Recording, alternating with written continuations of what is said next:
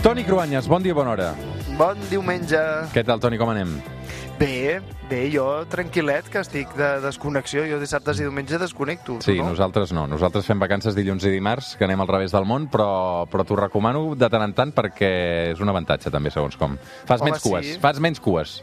D'això sí, d'això d'això no estic segur, però dic perquè tu vas ja a aquesta hora ja estàs allò tot posat i encara estic engegant una mica la maquinària a la boca, encara no em funciona, no coordino el 100%. Va, que t'aixeco del llit. A veure, uh, sabeu que cada diumenge amb el Toni Cruanyes uh, agafem una notícia de l'actualitat i la transportem a la història.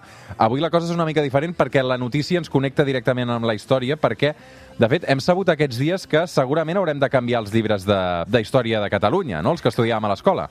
Eh, clar, perquè, a, veure, és una notícia petita en els mitjans de comunicació, les coses van molt ràpid, però, escolta'm, en el món acadèmic estem parlant d'un bon terratrèmol que ens obligarà a canviar una de les coses que apreníem a les escoles i als instituts. Eh, Fins ara s'ensenyava que el primer document escrit en llengua catalana van ser les homilies d'Organyà, datades al voltant de l'any 1220. Què passa? Que ara hem sabut que hi ha un document més antic de més d'un segle abans.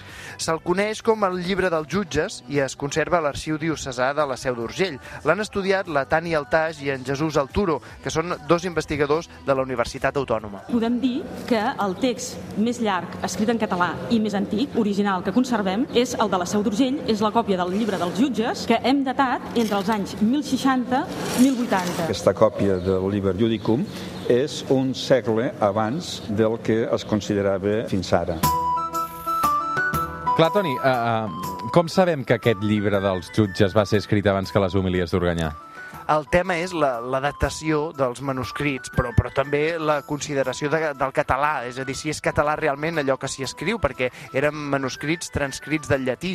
Ho feien escribes dels segles XI, XII i XIII, i el català, com la resta de llengües romàniques, no deixa de ser una de les evolucions del llatí vulgar a partir de la parla dels diferents indrets geogràfics. Eh, que, clar, eh, no hi havia registrades locucions orals i, per tant, eh, si no és a partir de registres escrits, pràcticament és impossible determinar el moment concret, fundacional, exacte, en què apareix el català, el català ja com una llengua pròpia. El que sí que sabem eh, és que tant la còpia del llibre dels jutges com les homilies d'Organyà estan escrites en català. Sí, ja sabíem que en el cas de les homilies d'Organyà, el capellà que les va escriure va traduir de l'occità uns trossos de sermons, eh, amb l'objectiu de parlar a les misses en la llengua que parlava el poble, i no en llatí, que la gent corrent no entenia. Els caràcters de la lletra de les homilies és gòtica, i la qualitat del pergamí, que és força gruixut, és, és ordinari. En, ens hem d'imaginar, en aquest cas, un sacerdot escrivint amb tinta, fent cal·ligrafia amb una ploma, a l'estil dels monjos del nom de la Rosa. Què és el llibre dels jutges, Toni? És una còpia de la traducció de les lleis visigodes que es van aplicar a l'actual Catalunya des de l'arribada de Carlemany als Pirineus. Estem parlant de cap al 780. És el Liber Judicum. Les lleis són sempre els primers llibres escrits més importants a totes les civilitzacions, també a les civilitzacions antigues, per exemple. Així que també va passar igual a la Catalunya feudal incipient d'aquella època. Ah, i a diferència de les homilies, en aquest cas els investigadors, Tani Altaj i Jesús Alturo, creuen que poden identificar en concret l'escrivà que en va fer la còpia. Es diu Travé Radolf i era un prevere de Santa Maria d'Organyà, actiu durant més de 18 anys. L'escrivà Travé Radolf va deixar diversos textos escrits amb un bon nivell de llatí i segons els investigadors això demostra que la decisió de començar a escriure en català i no en llatí no va venir determinada per ignorància del llatí o perquè no hi hagués paraules en llatí per identificar aquesta nova societat feudal, eh, perquè, per exemple, hem vist també que hi ha juraments de fidelitat als senyors feudals en llatí. En tot cas, podem dir que es va començar a escriure en català perquè van voler, perquè van prendre consciència que era la seva llengua i no el llatí. Mm. Clar, i com ens hem d'imaginar aquest document, Toni? És un pergamí allò amb un text llarg? Home, sovint per identificar textos antics cal remetre's a proves com eh, les dificultats de conservació o, o a trasllats eh, amb els segles o inundacions, incendis i tota mena d'inclemències, no?